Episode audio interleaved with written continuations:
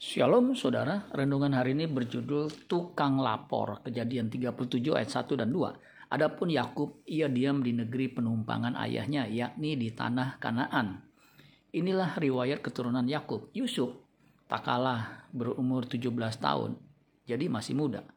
Biasa mengembalakan kambing domba bersama-sama dengan saudara-saudaranya, anak-anak Bilha dan Zilpa kedua istri ayahnya. Dan Yusuf menyampaikan kepada ayahnya kabar tentang kejahatan saudara-saudaranya.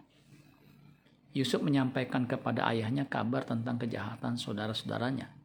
Kakak-kakak Yusuf melakukan kejahatan ketika mereka tidak berada di bawah pengawasan ayah mereka.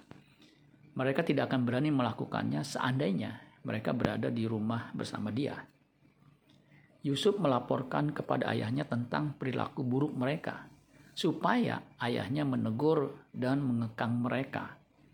Yusuf melakukan ini bukan sebagai seorang pengadu yang penuh kebencian untuk menabur perpecahan, melainkan sebagai adik yang setia karena ia tidak berani memperingatkan mereka langsung. Karena itu ia menceritakan kesalahan-kesalahan mereka kepada orang yang berwenang untuk memperingatkan mereka. Yusuf tidak terlibat dalam dengan kejahatan yang dilakukan kakak-kakaknya. Tetapi ia tidak berani menegur mereka. Itulah sebabnya demi kebaikan keluarga, ia melaporkannya kepada ayah mereka meskipun resikonya Yusuf makin dibenci kakaknya itu. Bahkan akhirnya Yusuf dijual ke, ke saudagar Midian. Kejadian 37 ayat 28. Ketika ada saudagar-saudagar Midian lewat, Yusuf diangkat ke atas dari dalam sumur itu. Kemudian dijual kepada orang Ismail itu dengan harga 20 sikal perak.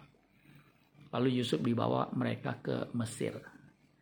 Yusuf ternyata bukan seorang yang manja. Terbukti di Mesir, ia bisa survive. Bahkan ia menjadi orang nomor dua di Mesir.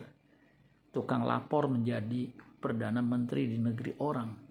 Bukankah itu suatu pencapaian yang luar biasa? Penulis kitab kejadian mengungkapkan rahasia kesuksesan si tukang lapor. Kejadian 39 ayat 2 dan 3, kemudian ayat 21. Tetapi Tuhan menyertai Yusuf sehingga ia menjadi seorang yang selalu berhasil dalam pekerjaannya. Maka tinggallah ia di rumah tuannya orang Mesir itu. Setelah dilihat oleh tuannya bahwa Yusuf disertai Tuhan dan bahwa Tuhan membuat berhasil segala sesuatu yang dikerjakannya ayat 21. Tetapi Tuhan menyertai Yusuf dan melimpahkan kasih setianya kepadanya dan membuat Yusuf kesayangan bagi kepala penjara itu. Ingat, Tuhan kita adalah Immanuel, Allah beserta kita. Dia ingin kita menjadi pangerannya yang kelak memerintah di kerajaannya. Roma 8 ayat 17. Dan jika kita adalah anak, maka kita juga adalah ahli waris.